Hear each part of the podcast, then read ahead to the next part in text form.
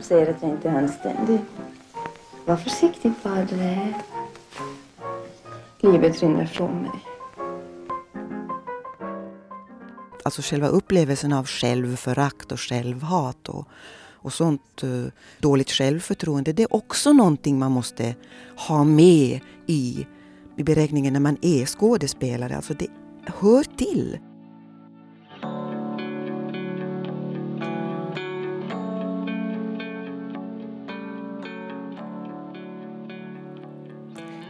Det här är programmet Det som formar en skådespelare. Stina Ekblad har gett ut sina memoarer Här brusar strömmen förbi. Välkommen till Dokumenterat, den här gången med Stina Ekblad. Jag heter Mi Vegelius.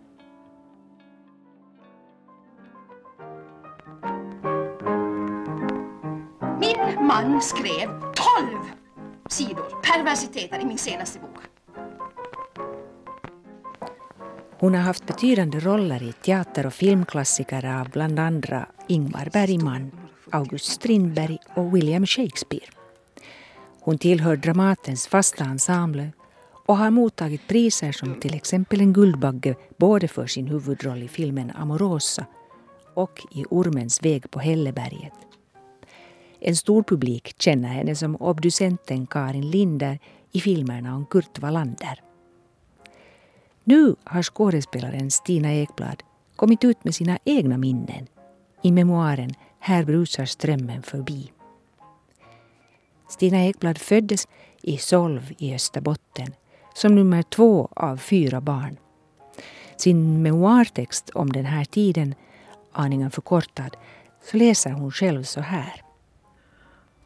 Om man som jag är född i mitten av 50-talet i Finland är man ett barn av kriget. Krigstidslukten, krigstidsfattigdomen, surrogatkänslan, pliktkänslan och soldatkänslan har man i sin ryggsäck. Även om ingen någonsin sagt något, visat något eller ens andats något om allt detta. Arma fattiga Finland. Så suckade mamma ibland, det minns jag nog. Och jag upptog det ödesdigert i min tungsinnessamling. Men känslan var att armodet och fattigdomen var något vi höll på att lämna bakom oss. Och ändå, man kunde aldrig vara riktigt säker. Det fanns ett askgrått hungerspöke bakom lidret och i skogarna drog tunna barkbrödsminnen om elände och om överlevnadskamp omkring. I min värld var de nästan synliga. Och jag tänker ibland att de var äldre än krigsminnena.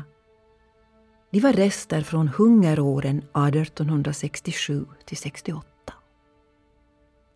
och med mitt fattiga flickjags uppseendeväckande fascination för eländesskildringar och berättelser om barn som mot alla odds klarade sina liv tack vare rena hjärtan och inre resning. Kulla-Gulla, den lilla prinsessan, barnen ifrån Frostmofjället, Emily, Pollyanna, Oliver Twist, Sunnanäng, Anne på Grönkulla, H.C. Andersens berättelser. Att växa upp i Österbotten på 60-talet var att växa upp med 1800-talet i ryggen, skriver du. Vad hör till det viktigaste det har inneburit för dig att, att växa upp på det sättet? Ja, jag har fått med mig en känsla för eh, hur viktig historien är, hur viktig naturen är. Eh, jag har fått med mig en känsla av eh, att allting inte är så lätt, allting inte är så självklart. Och när jag skriver så i min bok så syftar jag också lite grann på min upplevelse av att eh, de där stora hungeråren i slutet på 1800-talet kändes så levande för mig. Säkert dels för att jag hade en väldigt livlig fantasi men också för att de fanns liksom med i berättelsen om mitt land och min, min, min släkt och mitt liv på något sätt. Så det är, väl, det är det jag pratar om också när jag säger att jag hade 1800-talet i ryggen. Det kändes väldigt eh, väldigt nära att det som var och det som var väldigt svårt, det fanns. Det fanns där.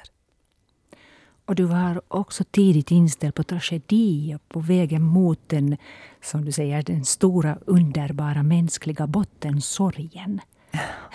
Varför? Eller på vilket sätt är bottensorgen underbar? Ja, jag tror faktiskt att det där begreppet bottensorg, jag tror att, att det var Vivica Bandler som myntade det. Eh, och jag tror att första gången jag hörde det var via Birgitta Ulfsson som ofta pratade om det där att om man inte har bottensorgen då tjänar liksom ingenting någonting till. Det går inte att flamsa och glittra och, och, och skoja och, och, och, tramsa om man inte har bottensorgen. Har man den, då kan man tramsa hur mycket som helst. Men utan bottensorgen så blir tramset bara trams. Och det där tyckte jag var klokt sagt, för det är alldeles riktigt att det är på det sättet. Och bottensorgen är ju bara att eh, att man har tillgång till den där mörka sjön som finns invärtes på något sätt. Upplevelsen av att livet är kort, livet är ändligt. Uh, upplevelsen av att, uh, att döden finns som ett, liksom, som ett mörkt glitter i, i allt vad vi gör. Och att man, att man känner det tror jag är en bra fond för allting. Uh, och jag tycker det är vackert att det är så. Jag tycker det är underbart att det är så. Jag tycker det är underbart egentligen att livet faktiskt är så sorgligt och så utmätt. För det är så för oss alla. Och det finns väl med också när du beskriver dina föräldrar. Väldigt finstämt. Eh, din pappa den milda och din mamma med någonting mörkt i sig. På vilket sätt skulle du säga att det här spänningsfältet mellan dem att det påverkar den du formades till? Jag tror att det påverkade mig väldigt mycket. Um, mild pappa, rasande mamma. Det är nu bara... Det är ju klichébilder naturligtvis, men, men så, så ser jag dem. Jag ser liksom lugnet, mildheten och sorgsenheten. Det ljusa, det lite ljuva i min pappa och så det här kraftfulla energifältet från min mamma. Och det är klart att den där krocken mellan de här två människorna som, som jag upplevde verkligen inte passade ihop. Uh, att den, uh, den, har varit, den har varit svår men den har också varit väldigt berikande för mig i mitt uh, konstnärskap, tycker jag. Jag upplever ofta att när jag känner mig som mest som mest som den jag är, då upplever jag verkligen halva mamma, halva pappa i en perfekt blandning. Mm. Det låter jättebra. um, hur mycket tror du att din mammas den här kraftfullheten och kanske också just underliggande ja, rent av missnöje och rasande som du sa, att, att det påverkar dig att komma iväg ut i världen? Jag tror att jag hade ju överhuvudtaget bara en längtan väldigt tidigt bort och det jag ville vidga mig, jag ville bredda mina vingar, jag ville flyga. Jag var...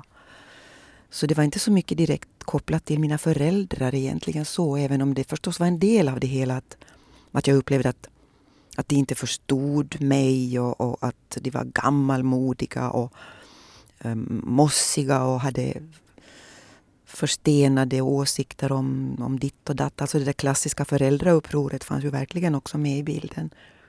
Men ehm, inte som liksom precis absolut konkret, det var det som gjorde att jag, att jag ville ut, utan det var nog hela, det hela sammantaget. En längtan bort som jag på något sätt var född med.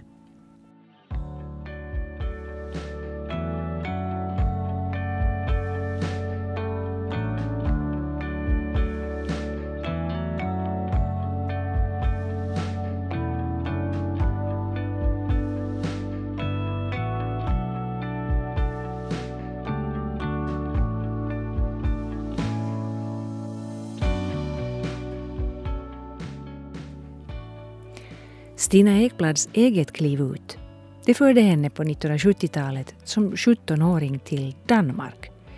Först till en folkhögskola och sedan till Odense teaters elevskola. För att bli kvar i Finland och vänta flera år på nästa antagning till Teaterhögskolan i Helsingfors det ville hon ju inte. Under sina nära på tio år i Danmark spelade hon både teater och medverkade i film. Och om sitt liv under den här tiden har hon skrivit. Det mesta var förresten märkvärdigt när jag var ung. Livet, teatern, allt som bjöds. Tiden jag var ung i. Det var tiden för det stora ungdomsupproret, det politiska uppvaknandet. Jag var en dålig aktivist. Jag kände mig alltid tillgjord när jag skulle agitera, alltid förljugen när jag befann mig på barrikaderna. Det värsta jag visste var stormöten. Sådana förekom ideligen. Jag slank undan, pratade folk efter munnen, som man säger i Danmark, höll med den siste talaren eller satt bara tyst och försökte se intressant ut. Så där gör jag fortfarande. Det är rysligt.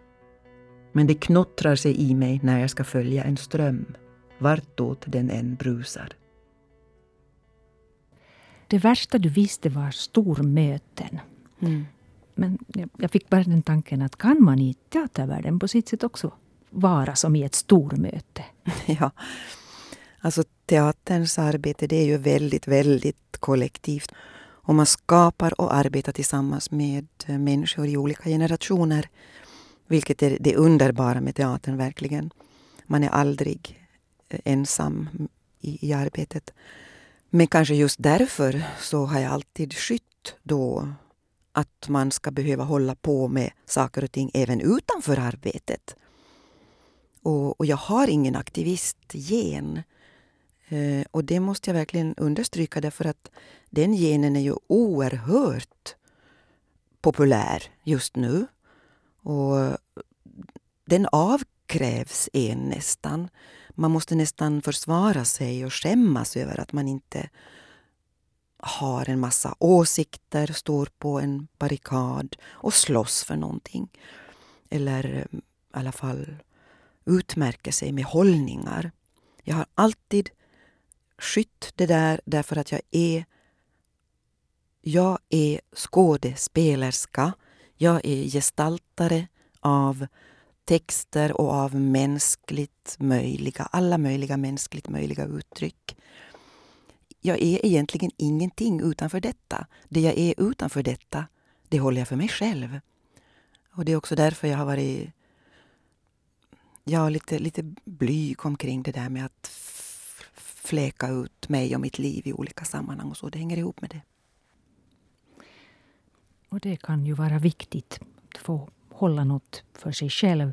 Eh, om männen i den här världen du mötte så skriver du att du inte har några minnen av underlägsenhetskänslor gentemot män.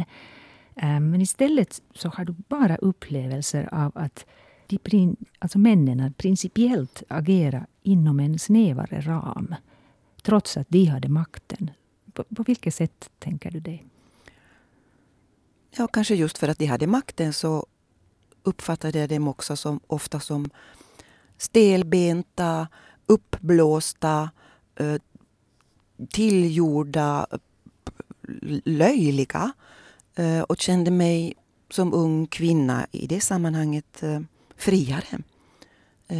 Men det där är förstås naturligtvis väldigt personligt. Jag vet ju att förskräckliga saker förekom också i, i kulisserna där och kvinnor och flickor blev illa utsatta.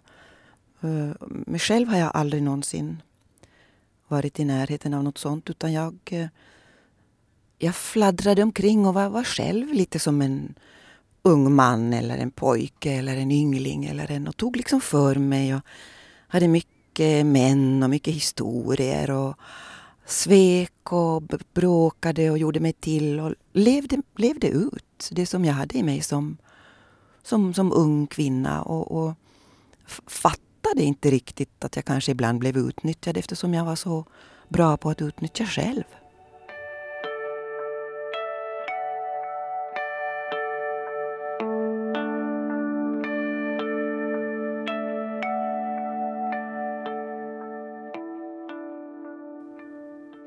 Efter nästan tio år i Danmark så börjar Stina Ekblad mer och mer längta efter att få arbeta på sitt eget språk. För hon blev också mer och mer känslig för sättet språket förbinder traditioner, vanor, fördomar och kollektiva hemligheter på och kände mig vid vissa tillfällen mer än utanför. En bekant känsla för all del, men ändå. Jag hade hemlängtan till språket. Så jag började kommunicera med Vasa Teater och kom överens med dem om att jag skulle spela Isabella i Shakespeares Lika för lika.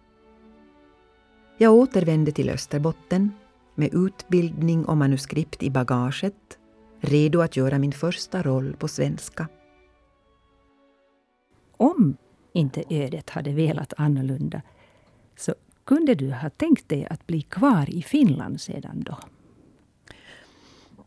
Mm, jag sökte mig ut i Finland då eftersom jag saknade mitt språk och då gjorde jag århundradets kärlekssaga på Vasa Teater. Um, ja, uh, det är mycket möjligt att jag hade haft en, ett skådespelarliv i Finland på finlandssvenska. Um, det, det är mycket möjligt.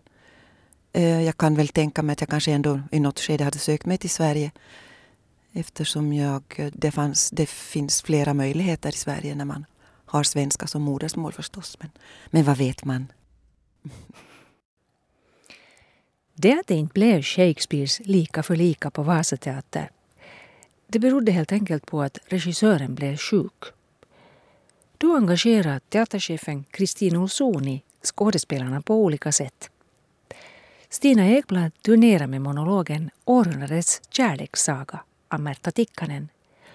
Och då fick Stockholms stadsteater upp ögonen för föreställningen och i förlängningen så ledde det till att Stina Ekblad kom att arbeta på Stockholms stadsteater under nästan hela 1980-talet innan hon sen anställdes av Dramaten. I början av 2010-talet är Stina Ekblad med i en uppsättning i Tyskland. Om den skriver hon så här. Att vara klädd i figursydd dräkt, kraftiga högklackade skor, ha håret samlat i snygg valk och föreställa en av världens mäktigaste och vedervärdigaste makthavare. Ja, jag spelade förstås Stalin. Och möta en likaledes välfriserad kjolklädd Churchill och en Roosevelt med röda läppar och inte ett ögonblick ironisera eller distansera satte förresten oväntade tankar i rörelse. Av alla mängder fascinerande roller du har gjort så jag tänkte här att vi skulle prata mer ingående om en enda.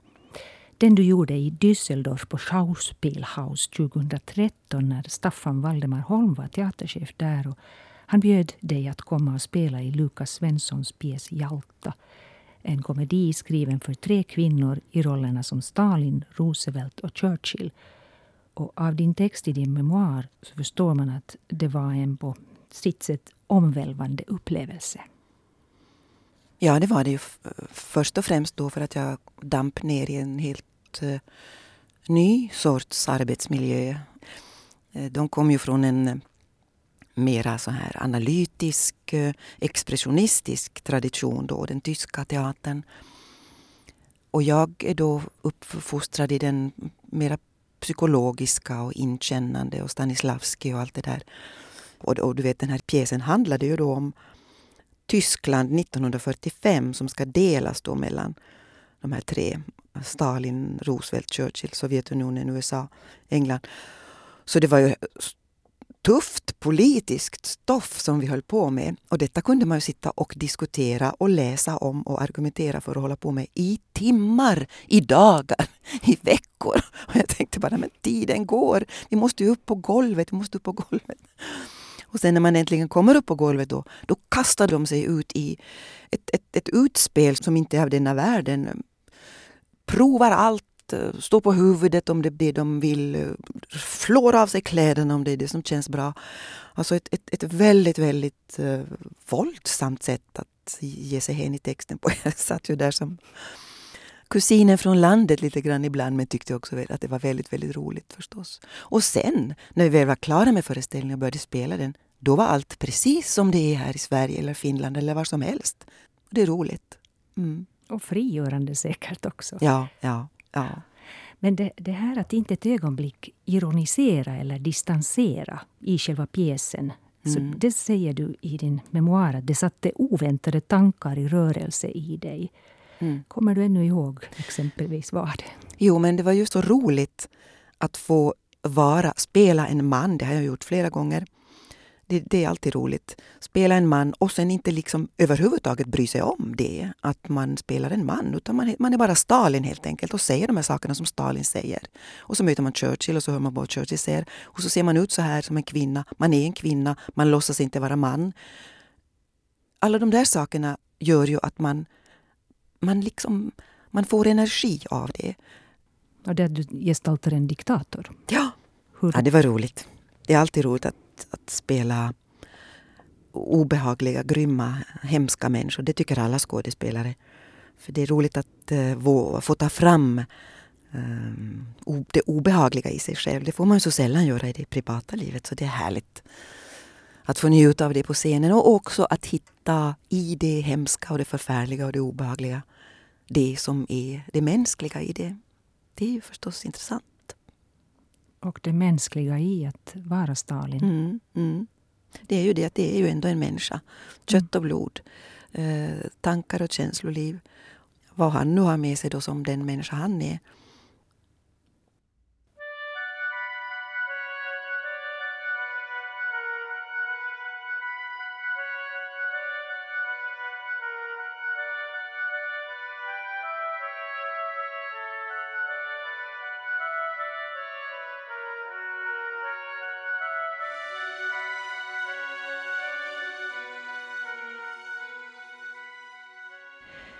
Jag har alltid älskat de klassiska pjäserna.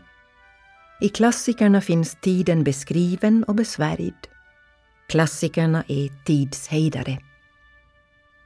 Alla har berikat mig och gjort mig till en mera vidsynt människa.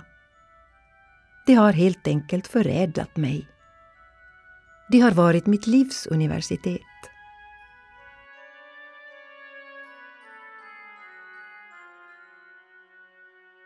Kan du konkretisera lite på vilket sätt du tänker dig det här? När man umgås med texter som beskriver och berättar om eh, människans eh, märkvärdigheter och gåtfullheter och mänskliga avgrunder då det är klart att det förklokar en. Eh, det gör en mer nyanserad och det är ju det är oerhört viktigt att eh, se nyanserna i tillvaron. Det, det, det tänker jag mycket på faktiskt. Och, och, det är säkert också därför jag är, är, dålig på att vara aktivist. Därför att jag tycker att om man ska vara en bra aktivist så måste man vara liksom rak på en sak. Och det har jag aldrig, aldrig kunnat. Jag tycker alltid att saker har så många olika sidor och schatteringar. Och det är det jag har ju lärt mig av de här texterna. Och jag är tacksam för det. No, men från det nyanserade så, så till det du skriver att varje svensk skådespelare gör sin värnplikt i en kriminalfilm på TV. Det är ett elddop och att du själv gjort lumpen som obducent. Beskriv gärna lite utförligare hur du menar. Det där eh, skildrar jag ju naturligtvis lite mm, eh, kåserande. För att jag tycker att det är lite, det är lite roligt det liksom är det vi håller på med. Alltid när man möter någon kollega och de, de är på väg till något jobb eh, utanför teatern så är det alltid så, som någon polis eller någon mördare eller, eller någon jurist eller någon domare eller någon ballistiker eller något sånt. Jag tycker det är faktiskt är ganska roligt att det ska behöva vara på det sättet för att eh, jag tycker själv att sådana där filmer är så fruktansvärt tråkiga och eh, tittar ju aldrig på dem. Och, och, och, så förstår jag ju samtidigt att det är bra att det finns sånt också. Det behövs ju. Jag tycker ju själv om att äta en, en kaka som inte innehåller så mycket, så mycket sunda och hälsosamma saker också ibland. Så att visst, det ska väl också få finnas. Men nog finns det väl mycket av det måste jag säga. Ja, och så där att man vältrar sig i mm. en sida av livet. Det onda, det mörka. Men, mm. men du säger att man börjar som ung med att lägga ner ett ambitiöst förarbete på sin filmroll. Man läser böcker, studerar bilder och filmer, analyserar, funderar, diskuterar. Man slutar med att inte ens läsa manuskriptet. Så skulle det förstås inte se ut om man i mogen ålder blev erbjuden en intressant roll som var en riktig människa och inte bara en funktion. Det är komiskt att bli igenkänd som obducenten i Wallander när man i själva verket är ett kringvandrande klassiskt poesialbum där mängder av tragiska rollgestalter trängs. Det är rätt åt mig. Varför är det rätt åt dig?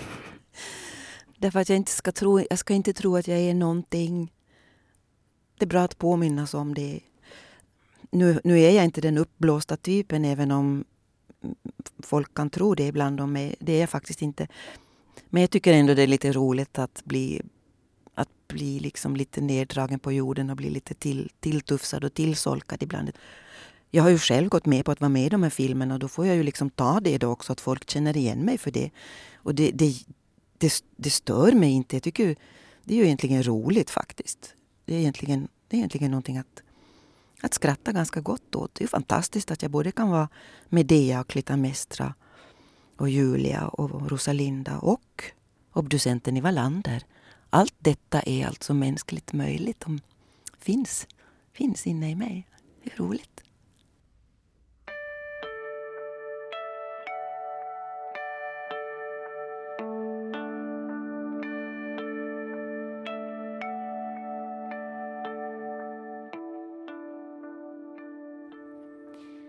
Men eh, nackdelen med att vara skådespelare, att man är utsatt. Eh, du har skrivit om det när det för dig har varit som värst, antar jag. Alltså, som skådespelare så, så får man, man, får sina, man får sina slag ibland av... Folk tycker hela tiden om någonting om en och har synpunkter på en och det där kan vara tungt ibland. Det kan vara plågsamt rent av ibland när man kanske är i ett skört läge i sitt liv och så får man liksom en, ett, ett, eh, ett slag av någon kritiker eller något alltså sånt.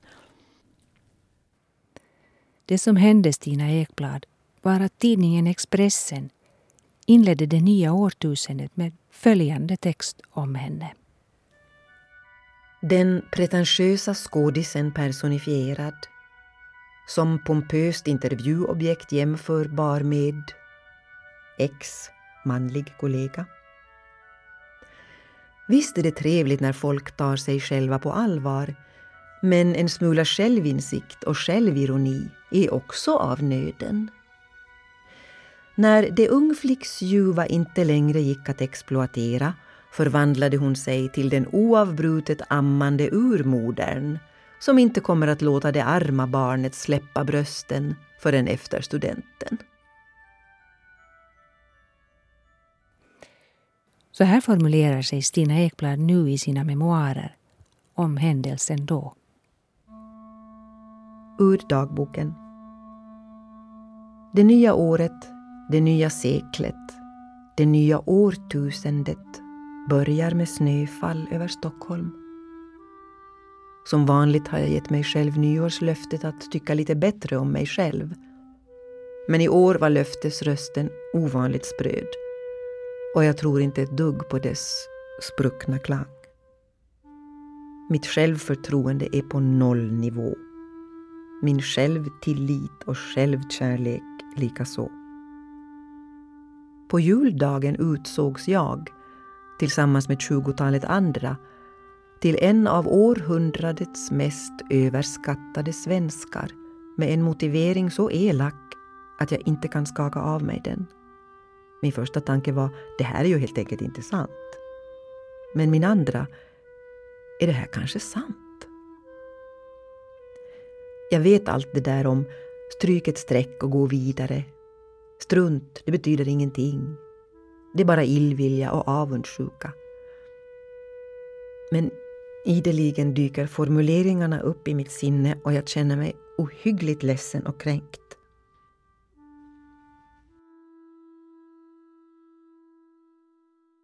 Förutom att man kallade mig allt möjligt, alla möjliga namn så, så tog man också upp eh, mitt barn. Och det var det som gjorde att jag, att jag liksom aldrig kan komma över just det där citatet. Att man eh, på något sätt ville eh, beskriva mig som att jag, jag använde mig av det faktum att jag ammade länge som ett medel att få komma ut i offentligheten. Eh, alltså att jag använde mig av mitt barn för att, eh, för att bli, bli känd på något sätt.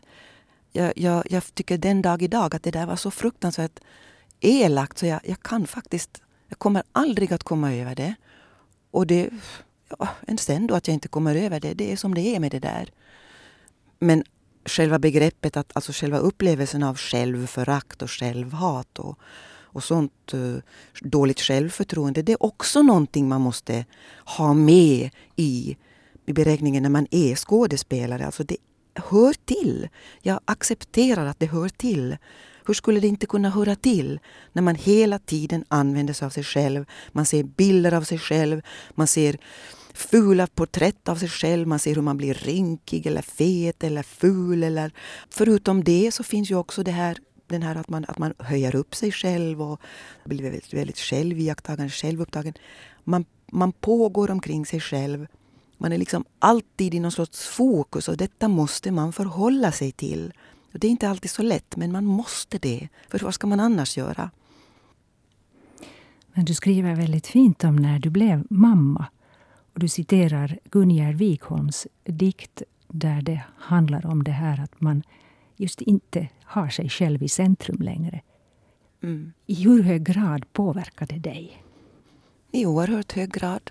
Det var allt avgörande. Jag hade väl förstått det där ändå, även om jag inte hade fött fått barnet. Det hade jag kanske. Därför att jag vet att man behöver inte föda barn för att uppleva det där. Utan det är en del av en sorts mognadsprocess, att man förstår det. Att eh, detta jag är icke alltid nummer ett. Detta jag är ibland absolut nummer två utan att för den skulle vara ett offer.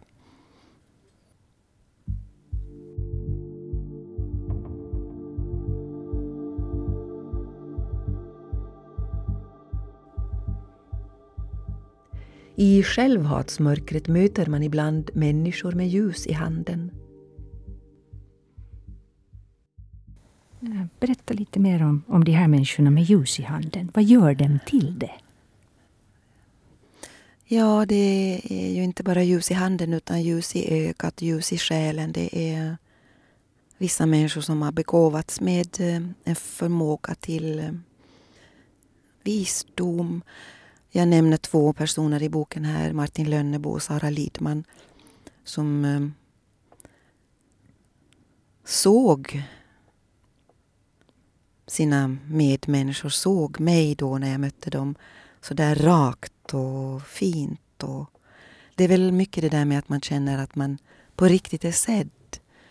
Eh, och känner eh, att sättet man blir sedd på omfattar hittar en sorts nåd. Jag tycker väldigt mycket om upplevelsen av att eh, höra ihop med andra människor och höra ihop med det mänskliga i andra människor. Och jag tycker väldigt mycket om känslan av att uppleva att jag är en del av dig. Att vi hänger ihop. Och med vissa människor är det där mera tydligt än med andra. Ja, det är väl det jag försöker skriva lite om där. Att, eh, och varför det är så med vissa människor? Ja, de har någonting klokt och gudomligt i sig, en sorts visdom. Ofta är det ju människor som har, som har en stor erfarenhet också. Som har det där ljuset. kunde också lyhördhet vara ett sånt här nyckelord? Jo, absolut. Och för att se bortom bortom hur en människa är, verkar. se henne för vad hon faktiskt är. Det är ju en begåvning och en gåva. Man kan, man kan nog träna upp den tror jag. Du försvarar rätten att, att vara djupsinnig i motsats till lättsinnet, som ju också behövs. Men varför måste djupsinne försvaras? Ja, säg det. Ibland tycker jag nästan att det är så därför att uh, men det kanske bara är någonting jag inbillar mig förresten nu när du säger det. Eh, jag får ju förstås ofta höra att jag är svart och allvarlig och tungsint och nu kommer hon och då blir det tragedi och sådär. Och då, och då blir jag lite eh, sådär, ja då går jag en slags försvarsposition då och, och det kanske jag egentligen inte alls behöver. Och jag känner ju många allvarsamma människor och allvarliga. Uh, så det, det, det, Nej, jag ska sluta försvara det. Jag ska sluta tjata om det här för att uh, det är ju också en del av livet. Det djupa och det djupsinniga. Det lätta och det lättsinniga. Och det är klart att man, om man lever i en tid som, som hyllar ytan väldigt mycket som, som vår tid gör då, då, då, då känner man sig ibland lite, lite udda när man, när man eh, framhärdar i någon sorts uh, allvar och, och uh, tung, tung sinne. Men uh, jag ska sluta med det. Det finns lika mycket plats för det. Det gör det faktiskt.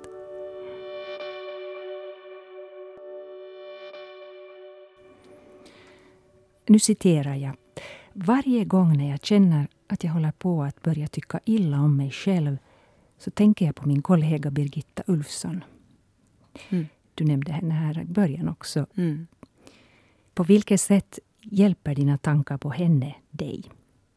Hon var en sån fin förebild framför allt och så som hon var som, som kvinna. En underbar skådespelerska och en underbar eh, ja, allt det här som hon var. Presentatör, estradör. Ja, underbar konstnär. Men hon var också en förebild som kvinna i sättet hon var på omkring sig själv och sättet hon blev äldre på. Jag kände henne ju sedan 80-talet då. Och mm, det där fria hon hade i sättet att inte... Att man kan vara, man kan vara fåfäng och lättsinnig eh, och bry sig om vackra kläder och eh, vackra skor och, och ändå inte vara kokett omkring det. Ehm, hon hade en sensuell hon närmade sig livet och sig själv sensuellt. Och hon var glad, hon hade en grundglädje. Den var ju alltid inspirerande, liksom en grundglad syn på, på människorna och nyfikenhet som inte var så där gnetigt skvallrig utan bara frisk. Men också det här att, att inte hålla på och fjäska och fjäsa med att vara kvinna utan självklart vara kvinna och självklart också bli äldre och gammal som kvinna och stå rak i det. Det var och är inspirerande. Jag tänker ofta på henne och saknar henne verkligen.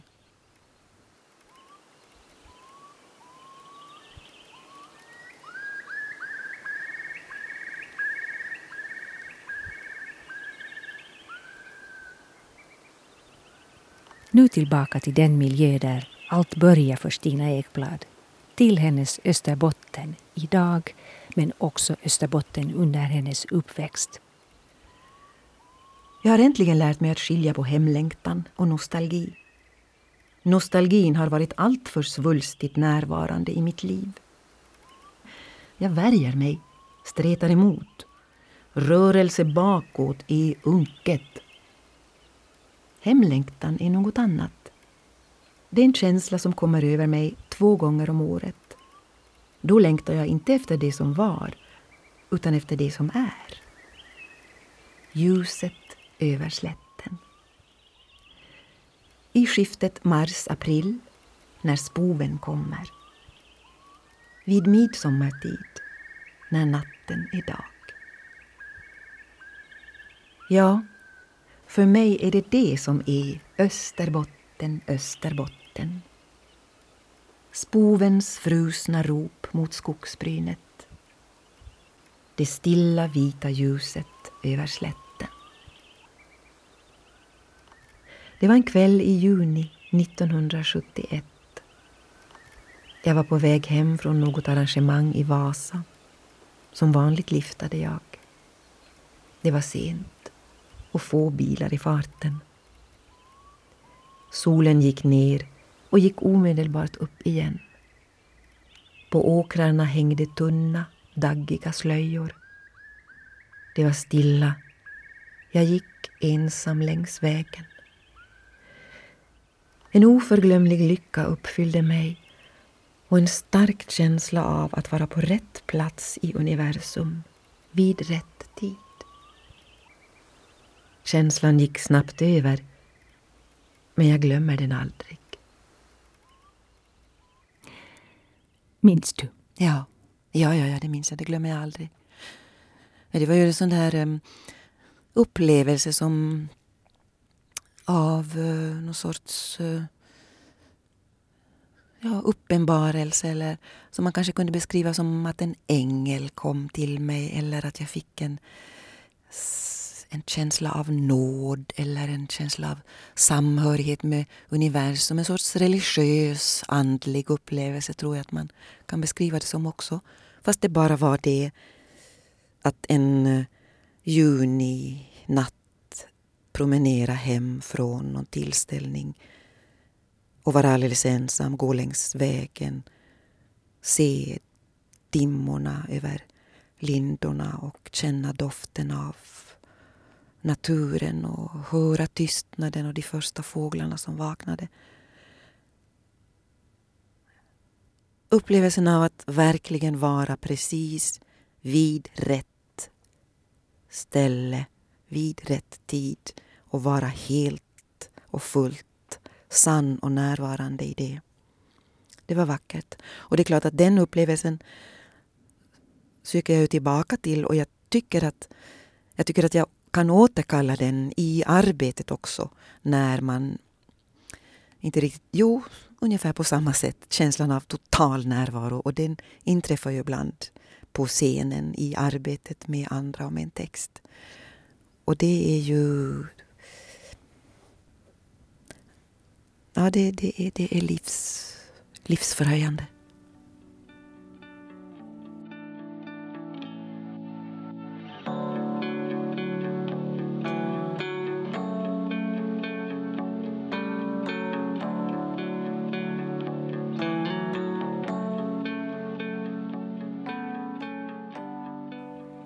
Det här var dokumenterat med programmet Det som formar en skådespelare.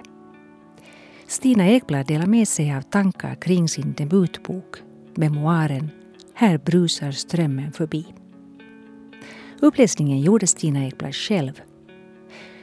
Ljudarbete var Anne Heikkiläs. Producent Staffan von Martens. Och jag heter Mi Vegelius.